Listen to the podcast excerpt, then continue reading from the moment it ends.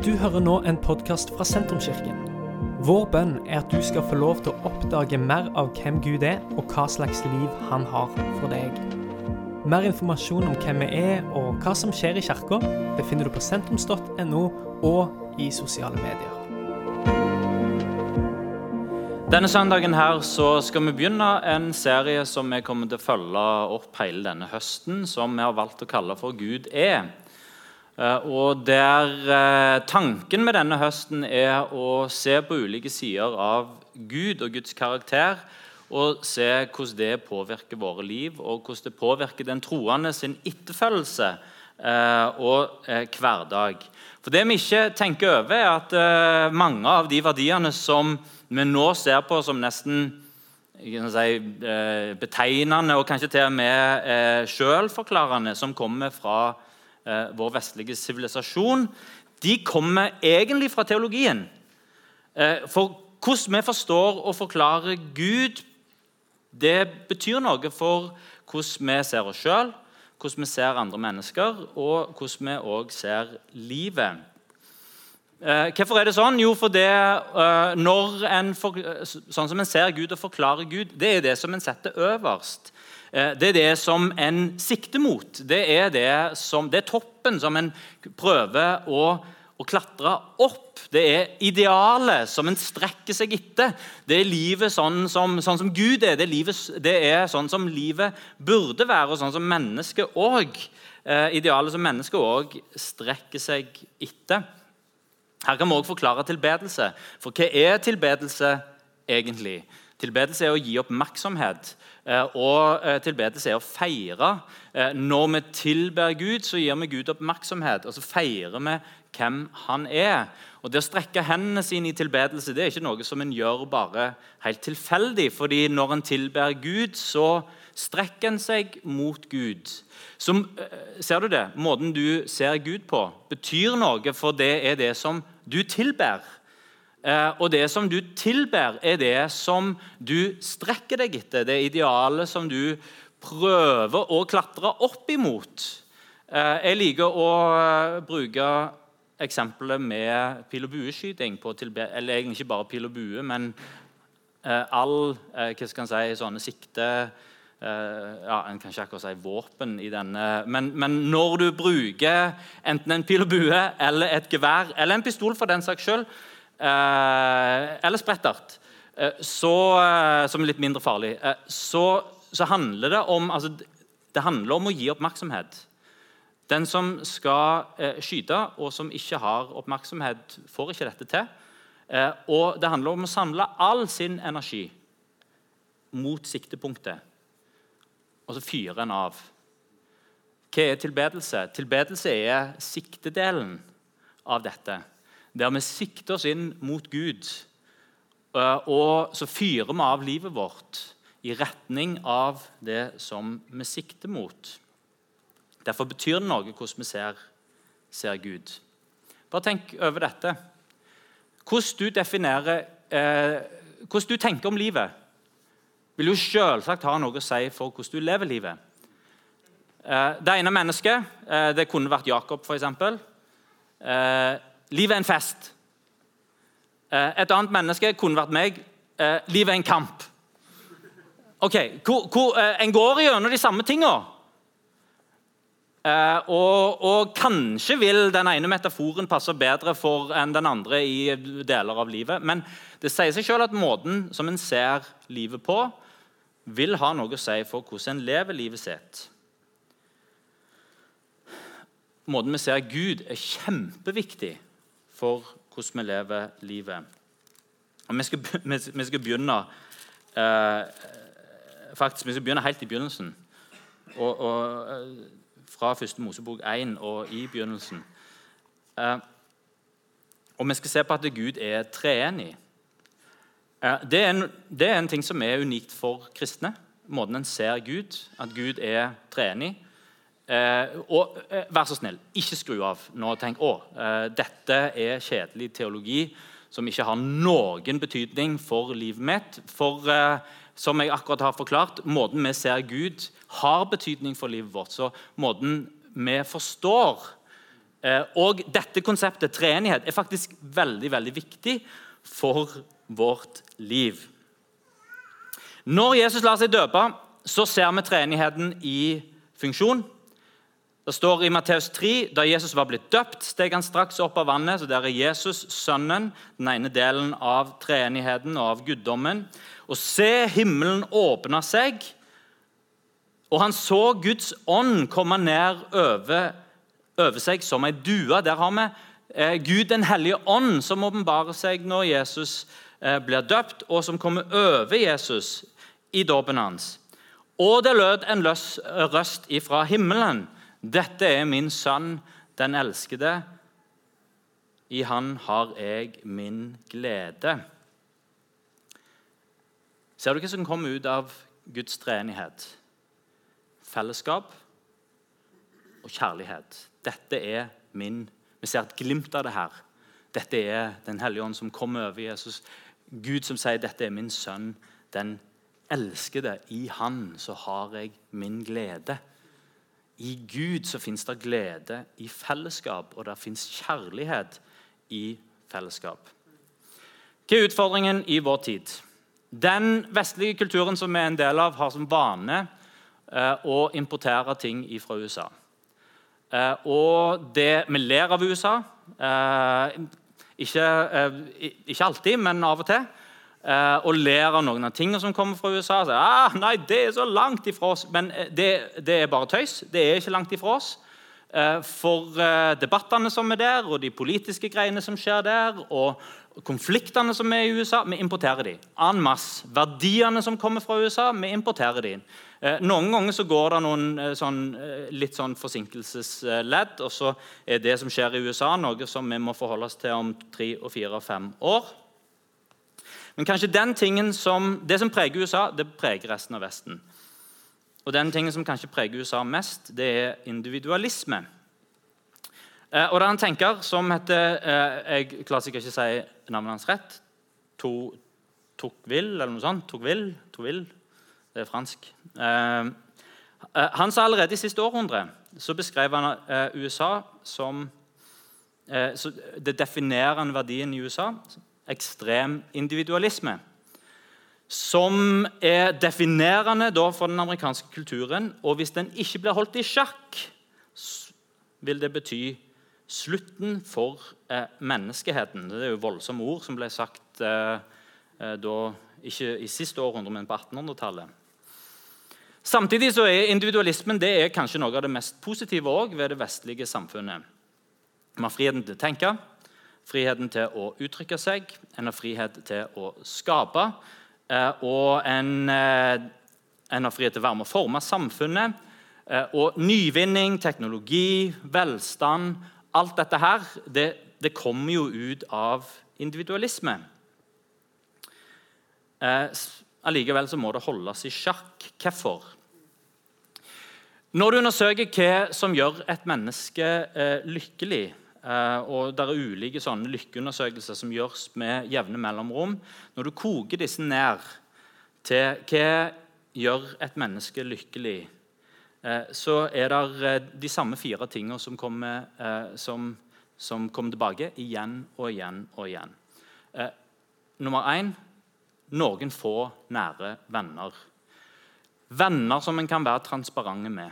Venner som en kan du kan dele oppturene i livet, du kan dele hvem du ønsker å være.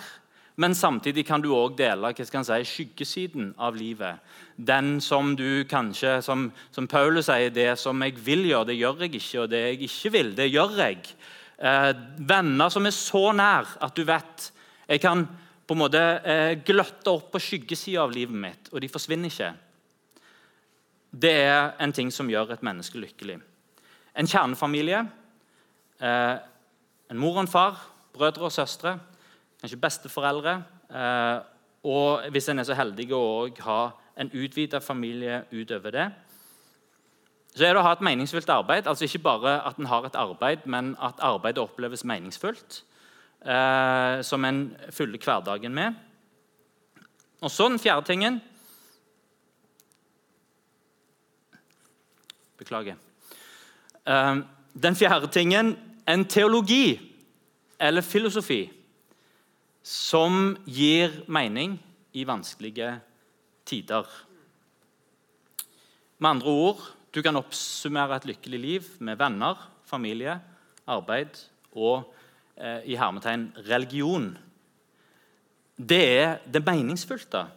Og der du finner mening, der finner du, der finner du ikke nødvendigvis lykke, men det er der du kan oppleve, oppleve eh, lykke. Derfor er det gode rådet til alle mennesker som vil være lykkelige, det er søk aldri etter lykke.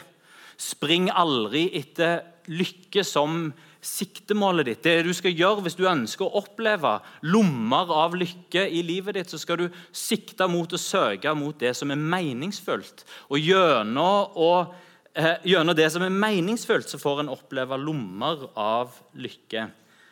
Venner, familie, arbeid og tro. Dette er i oppløsning, alle disse tingene. I eh, Amerika de siste åra har en gått fra å ha 3,2 nære venner jeg forstår ikke helt hvordan en får til det, eh, til 1,8 nære venner.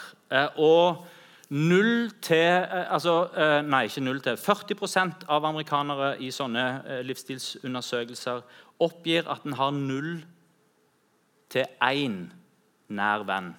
Nesten halvparten. Så spørsmålet er det sånn i Norge. Jeg vil tippe at det er ikke bedre i Norge. Kjernefamilien er i oppløsning. En redefinerer hva en familie er. En redefinerer hva et ekteskap er. Eh, og det er en svekka forpliktelse i samfunnet generelt overfor ektefelle og overfor nær familie. Stadig færre opplever å leve livet sitt i en stabil kjernefamilie og ha det som et utgangspunkt. Til dels òg i arbeid, fordi at en har eh, eh, eh, Det som en gjør som jobb, er så, den er så spesialisert at en fjerner jobben sin fra sluttproduktet. og hva som faktisk... Jeg vet ikke når du jobber i Equinor, i HMS i Equinor, om du går og tenker hver dag på at jeg skaffer varme og energi for å holde samfunnet sammen. Mens eh, bare ta det opp mot for å stå i skogen med motorsag og hogge ved. Eh, så vet du på en måte hei, hver fiber i deg når du svinger øksa, vet at dette gjør jeg for å holde familien min varm gjennom vinteren. Dette er sykt meningsfullt. Eh, ser du forskjellen? Når arbeidet blir veldig spesialisert, så fjerner en det fra sånn at en ser ikke alltid hva som er det endelige formålet. Og så har han fjerna seg òg fra tro. Vår tid er de store fortellingene sin død, og religion og tro er på tilbakegang. Eh, hvorfor? Og fordi at for å tro så en, en, trenger å gi slipp på noe av sin autonomi og noe av sin frihet for å omfavne en tro og et trossystem.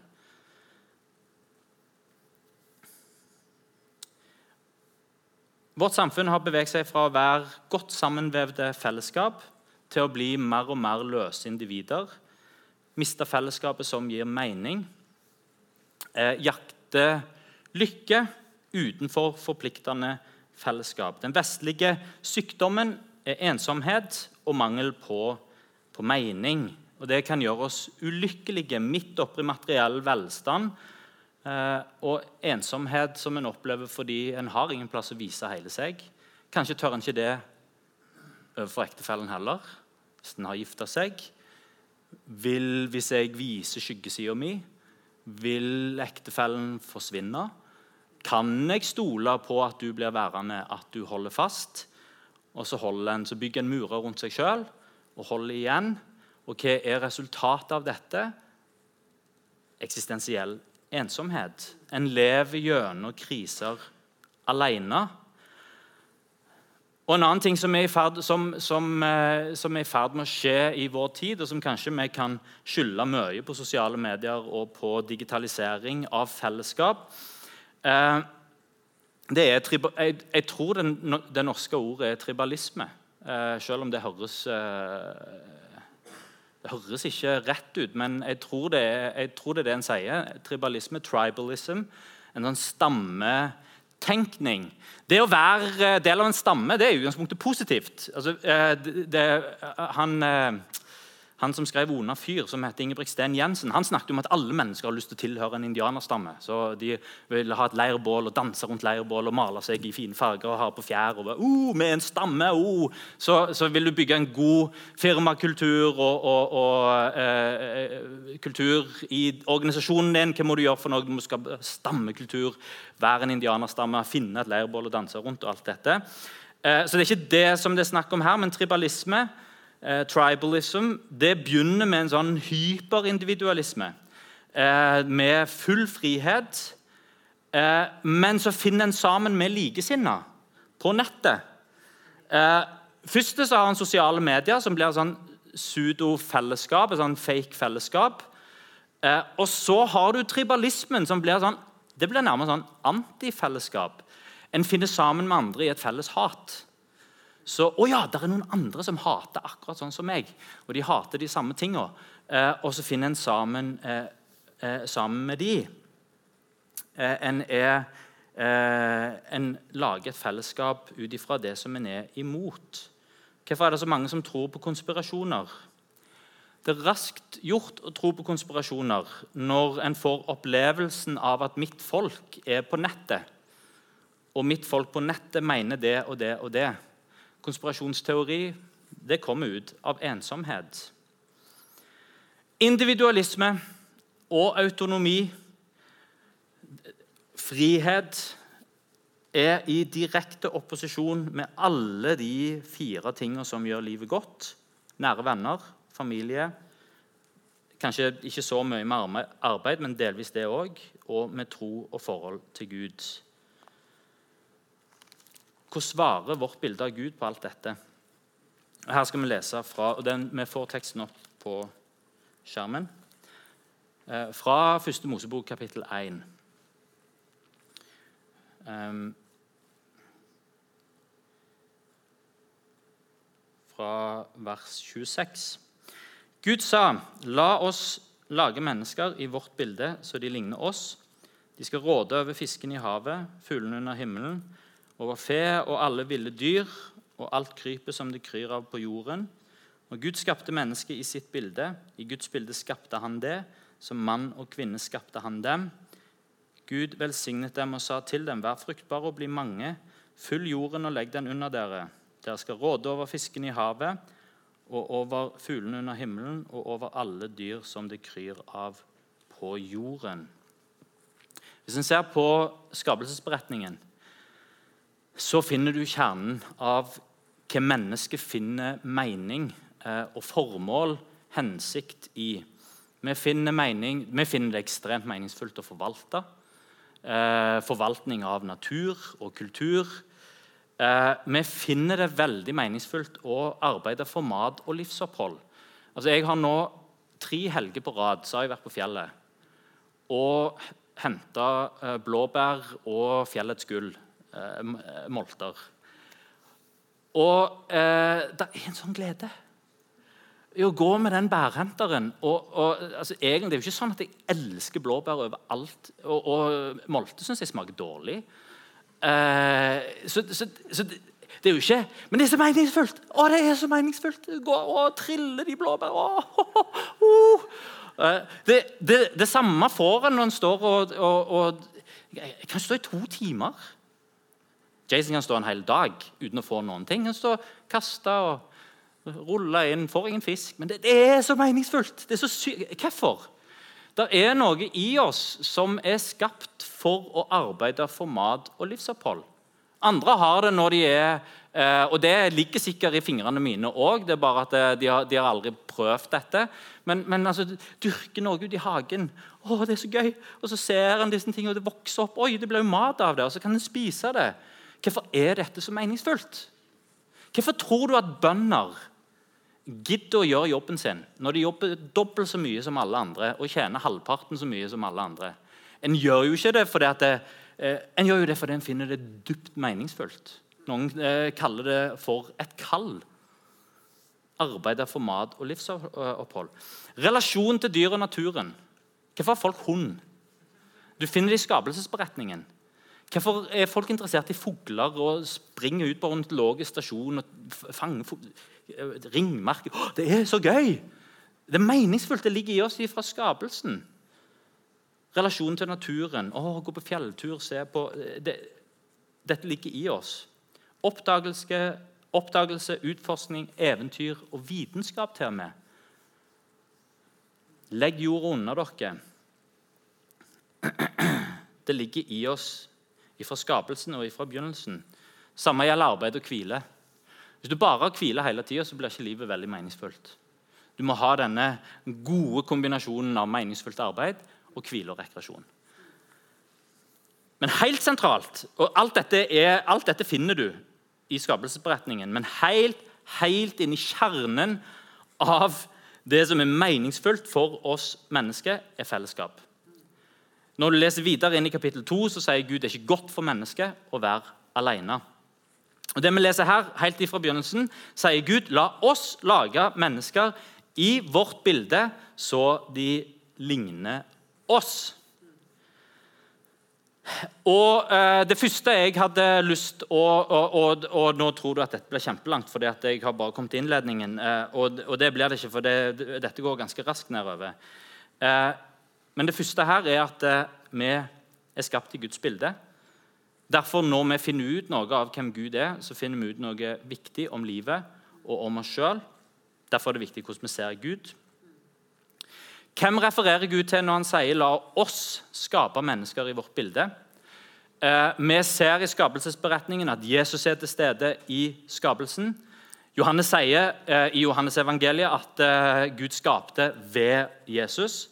Paulus sier om Jesus at alt er skapt ved han og til han.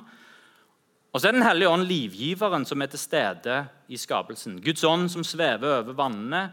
Guds pust som han blåser inn i mennesket, og det blir en levende sjel. Eh, og eh, livgiveren som gir eh, liv til alt. Og Helt fra begynnelsen her, la oss, så ser vi at Gud er fellesskap. Gud er både tre, og han er én samtidig. samtidig. Vi er ikke politister som tilber mange guder. Vi tilber én Gud. Gud er én. Men så er han tre, tre i én. Og hva forteller dette? Jo, vi så når Jesus ble døpt. Dette er min sønn, den elskede. I han så har jeg min glede. Der kommer fellesskap ut av Gud sin karakter og ut av det fellesskapet kommer kjærlighet. Kjærlighet og omsorg flyter ut av Guds karakter og hvem han er, fordi Gud er forpliktende fellesskap. Det er ikke tre guder, men det er, han er én. Og det er fellesskap i han. Og mennesket er skapt i Guds bilde. Det var den andre tingen jeg hadde lyst til å si ut fra denne teksten. Gud er fellesskap, derfor er vi skapt for fellesskap. Behovet for fellesskap ligger i ethvert menneske. Eh, Gud sier 'bli mange, fyll jorda, legg den under dere'. Vi er, vi er flokkskapninger. Vi, og det er fint å finne eh, stillhet og ensomhet og være for seg sjøl. Eh, men hvis du er i stillhet og ensomhet for deg sjøl veldig mye, så vil du merke at det, ja, men, men, men, men, det er i sammen med flokken. Der finner jeg hvem jeg er. C.S. Lewis skrev en lignelse om fortapelsen eh, og beskriver det eh, som å forsvinne inn i seg sjøl og samtidig fjerne seg fra alle andre egentlig en ganske rar uh, beskrivelse av hva fortapelse er for noe. For, bare få mer og mer og mer og mer av seg sjøl. Og komme lenger og lenger og lenger og lenger vekk ifra alle andre. Jeg blir mer av hvem jeg er, og jeg fjerner meg mer og mer fra hvem de andre er. Uh, og Jeg har hørt en predikant jeg husker ikke hvem som, uh, som, som sa det, som beskriver det vestlige samfunnet, og særlig forstadslivet som et, sånn moderne, et, et moderne helvete. Hvert hus er trukket vekk fra de andre. Så eh, Hvert hus har på en måte sin plass med gjerder eller hekk rundt. Så, eh, så huset er ensomt, eh, skilt ut fra de andre husene. Men så er hvert hus igjen delt opp i mange ulike rom, sånn at alle som bor i det huset, kan ha hver sitt rom. Og nå etter hvert, når og eh, skjerm er blitt noe som ikke, Det er ikke fellesskap lenger, en sitter og ser på TV, men alle har hver sin skjerm, og en er kobla livet sitt på en skjerm. Så sitter altså da hvert menneske i huset, som er skilt fra alle de andre husene, med murer rundt, sitter da på sitt eget rom med murer rundt, inn i sin egen verden og forsvinner inn i seg sjøl. Vi har gjerda inn vår eksistens. Hvis du sammenligner det med de sammenknytta samfunnene som fortsatt finnes i store deler av verden, og som vi tradisjonelt har hatt her, så er det ikke vanskelig å se at dette er en kilde til ensomhet og meningsløshet, til tross av hvor fint en har det, hvor stort huset er, og hvor fint det er på, hver, på hvert rom. Det trenger ikke være dette som er beskrivelsen av det moderne vestlige livet. Vi trenger ikke flytte inn i et lite hus og en liten leilighet for å få fellesskap. Vi kan fylle våre fine hus med mennesker, med liv og med fellesskap. Vi er skapt i bildet av en fellesskapsgud, og vi er skapt i bildet av en fellesskapsgud for fellesskap og for andre. Og Det er her jeg hadde lyst til å avslutte. For Guds fellesskap er ikke bare fellesskap, det er forpliktende fellesskap. Og det er her en finner mening. Meningen finner du ikke utelukkende i bare å være altså Det, det er slags, et slags fellesskap i å gå sammen med andre mennesker til prekestolen. Eh, når det er 1000 mennesker som er på vei opp der. og Du finner en slags mening i det at nå er vi en, en, en gjeng som beveger sammen. Men det er ikke den typen fellesskap som det snakkes om her. Det er en forpliktende fellesskap, ikke et aktivitetsfellesskap som en har sammen med noen mennesker når en gjør akkurat den aktiviteten, og så forsvinner en eh, inn i tusen andre ting. Det fellesskap som, Gud, eh, eh, som, som, som Bibelen snakker om, og som kan peke tilbake på Gud, det er forpliktende. Når Gud skaper mennesket, så skapes vi til mann og kvinne. Det, det er ikke ubetydelig. Eh, det er ikke noe som vi bare kan gå og redefinere eh, som en vil. Mann og kvinne det er to biologiske realiteter som kan forankres i biologi, og som kan forankres i teologi, som forankres i hvem Gud er. Han har skapt oss i, i, i sitt bilde til mann og kvinne. Og, eh, og den som tenker at Gud Gud er han, det er, helt, det er, sant, det ser vi gjennom hele Bibelen. Men samtidig så trenger vi å vite at når Gud skulle skape mennesket i sitt bilde, så skapte han mennesket til mann og kvinne, som sammen uttrykker hvem Gud er, og verdier fra Gud, og, og, og, og viktige sider av Gud. I fellesskapet av mann og kvinne og i samlivet mellom mann og kvinne så skaper vi et komplementerende, riktig bilde av hvem Gud er. Både det feminine og det maskuline har sin kilde først og fremst i Gud.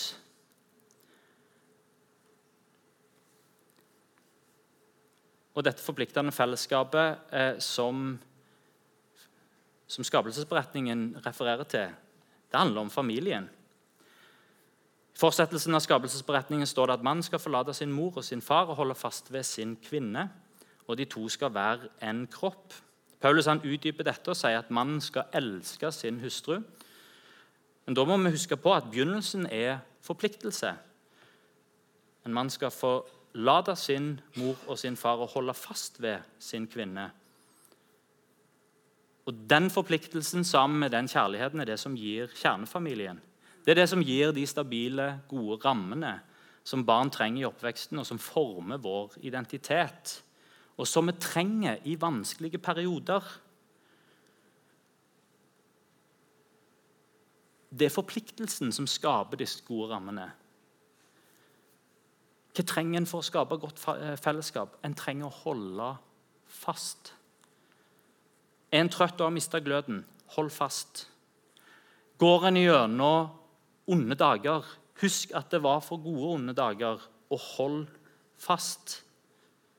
Det er kvaliteten ved fellesskap som vi er kalt til. Og, som, og det utfordrer vår individualisme. For det er forpliktende. Dette skaper familie. Og det er det forpliktende fellesskapet som gir tilhørighet og som gir mening.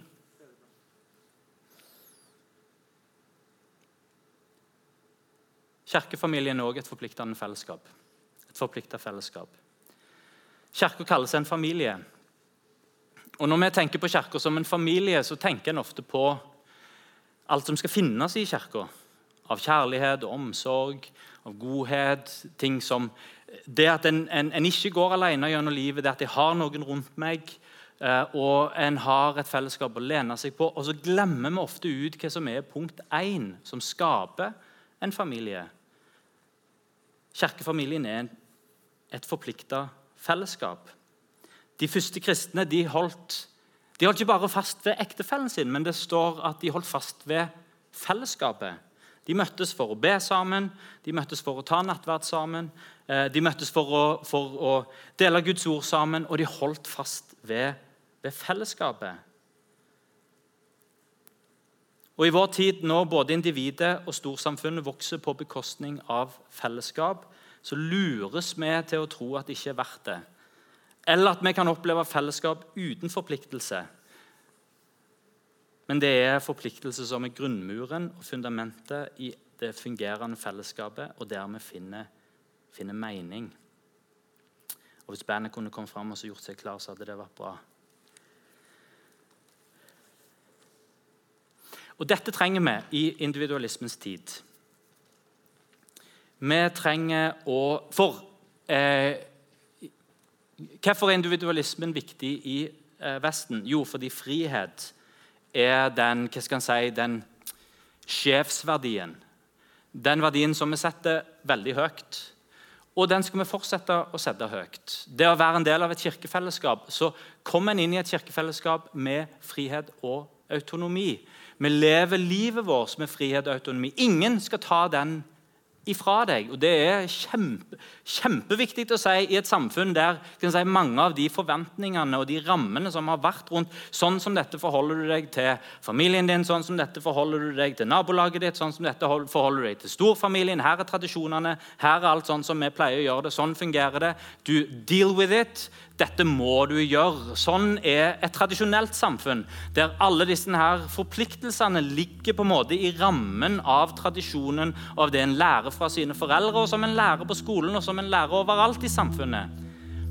Sånn ser ikke vårt samfunn ut lenger. Vårt samfunn har frihet og autonomi som Autonomi altså det betyr jeg bestemmer sjøl. Det er jeg som tar valg for, uh, for mitt eget liv det er over disse andre fellesskapsverdiene. Og det skal vi ikke ta vekk. For vi er en del av et samfunn som setter frihet høyt. Men det vi kan gjøre i et sånt samfunn, det er å ta noe av min autonomi og min frihet, og så legger jeg noe av det ned. Og så forplikter jeg meg. Jeg bruker min frihet til å forplikte meg. Ingen tvinger deg til å gjøre det, ingen kan tvinge deg til å gjøre det, for vi lever i et samfunn der vi er autonome individer med frihet. Ingen pålegger deg noen ting som helst, men det du kan gjøre Fordi du vet at i et ekstremt individualistisk samfunn så er det så fort at vi mister av syne det som gir mening.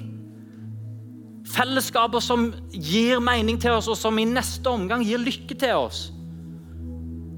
Kjernefamilien, og jeg vil også si kirkefamilien. De nære vennene. Troen på Gud som gir en himmel over livet vårt.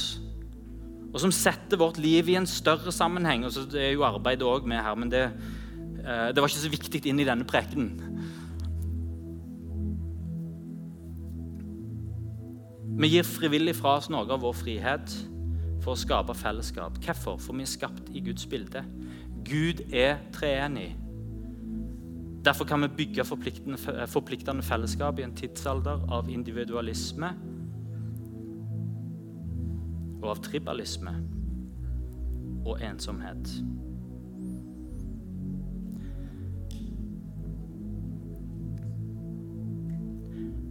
Denne våren har jeg hatt en, en dritvår. En vanskelig vår. Var flere ting som har vært vanskelig å forholde seg til. Særlig å miste min far i mars. Kjempetøft. Jeg syntes det var fantastisk å komme på gudstjeneste der jeg ikke hadde noe ansvar i tida etterpå. Der jeg ikke klarte skikkelig å tilbe. Men der jeg trødde inn i et fellesskap som tilba. Der jeg merka at dette fellesskapet er jeg en del av. Her tror vi sammen. Her tilber vi sammen. Det var folk som brydde seg, og som viste det på praktiske måter. Og så kanskje det som har vært aller viktigst. Det er både nær familie og det er nære venner som har spurt etter. Så, du, Hvordan går det egentlig? Og en har kunnet dele, jeg har kunnet dele hvordan jeg har det, uten å måtte bare smile og ta på maska og si 'ja, men det går bra'. Men å kunne vise litt av skyggesida denne våren. Og det er så godt og det er så meningsfullt. Men det jeg tenkte på at det, det fellesskapet der det dukker ikke bare opp når du trenger det. Når du går gjennom kriser. Det er ikke sånn at det plutselig en lever livet sitt bare sånn her i min boble. Og så plutselig, nå er jeg i krise, så er det plutselig bare magisk. Det bare popper der opp rundt meg eh, masse greier som jeg trenger i krisesituasjonen. Det er jo et fellesskap som er der fra før av. Ønsker vi et nært og godt familieliv, hold fast. Ønsker du en kirkefamilie, hold fast. Ønsker du noen nære venner? Hold fast. Vet du hva? Og jeg tror at vi trenger å ha det som en hovedregel i vår superindividualistiske tid. Skal jeg slippe, eller skal jeg holde fast? Blue pill, red pill. Jeg tror du kan nesten, du kan nesten sånn automatisk si i vår tid Jeg holder fast inntil det motsatte er 100% bevist. For når vi, i vår individuelle det er, Vi bare slipper. Så holder fast i noen, nye, og så slipper vi. Og så, mm, og så, og så slipper Og så mister vi det forplikta fellesskapet som er det der hvor en finner mening, og hvor en finner glede og fellesskap. Fellesskap er som hvile. Når livet er travelt, så skjer det ikke hvis det ikke prioriteres. Prioriter familien din. Har du ikke gifta deg ennå, prioriter den familien du kommer fra. Prioriter vennene dine. Gi prioritet i kalenderen til kirkefellesskapet, til gudstjenesten, til ungdomsmøtet, til småfellesskapet. Inviter noen over på mat, del et måltid sammen. Og kjempeviktig noe vi gjør altfor lite. Møt noen for en samtale. Ikke sånn samtale du skal vi møtes, så skal jeg bare tømme ut uh, og, bruke deg som sjelesager. Men at når vi treffes, når en tar den runden rundt stokken, når en sitter på den kafeen, når en inviterer noen hjem på en kaffe, at ikke bare blir det der overfladiske chit-chatet, men at en våger å grave litt dypere og komme inn til hva det som betyr noe i livet. Og hold fast.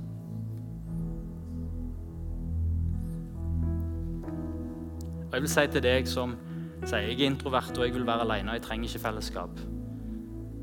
Du ekstroverte trenger fellesskap, og introverte trenger fellesskap. Det er bare det er forskjellige ting som gir oss energi. Men uavhengig av hva som gir oss energi, vi trenger fellesskap. Noen sier jeg har ikke tid til fellesskap, jeg har det for travelt med jobb og interesser. Dette er uvanlig tydelig fra meg, men kanskje skal en vurdere om en har det for travelt med jobb og andre interesser. Og se gjennom hvordan en bygger livet sitt. Jeg tør ikke satse på fellesskapet, jeg mister troen på fellesskapet. Noen har såra meg. Men, men, men det, det, er jo det som ligger i et nært fellesskap. Det ligger faren for å såre og bli såra. Det er derfor at tilgivelse og nåde må være et fundament for ethvert ekteskap, for enhver familie og for hver kirkefamilie. For vi sårer hverandre, og vi tilgir hverandre, og vi begynner på ny.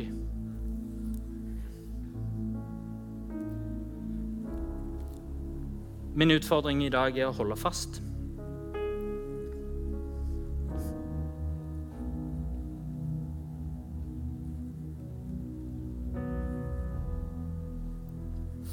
Kanskje er du her som syns at det er vanskelig med troen på Gud. Ikke hør på stemmene som sier at du må, du må følge følelsene dine hele. Det går an når en syns det er vanskelig å holde fast. Jeg føler ikke at jeg tror nå. Jeg vet ikke om jeg klarer å tro, men, men jeg holder fast.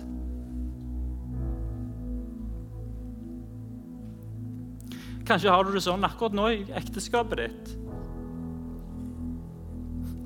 Jeg føler ikke så mye. Men det går an å holde fast. Og Kanskje har du det sånn i forhold til kirkefellesskapet. Jeg har egentlig ikke lyst. Får ikke noe ut av det. Et godt råd er å holde fast. Å bruke sin frihet og sin autonomi til å holde fast ved Gud, ved ektefellen, ved vennene sine og med, og med kirkefellesskapet. Kan vi reise oss? Dette er slutten på denne podkastepisoden. Har du spørsmål om Jesus, om tro, om livet, så er du hjertelig velkommen til å ta kontakt med oss via sentrums.no.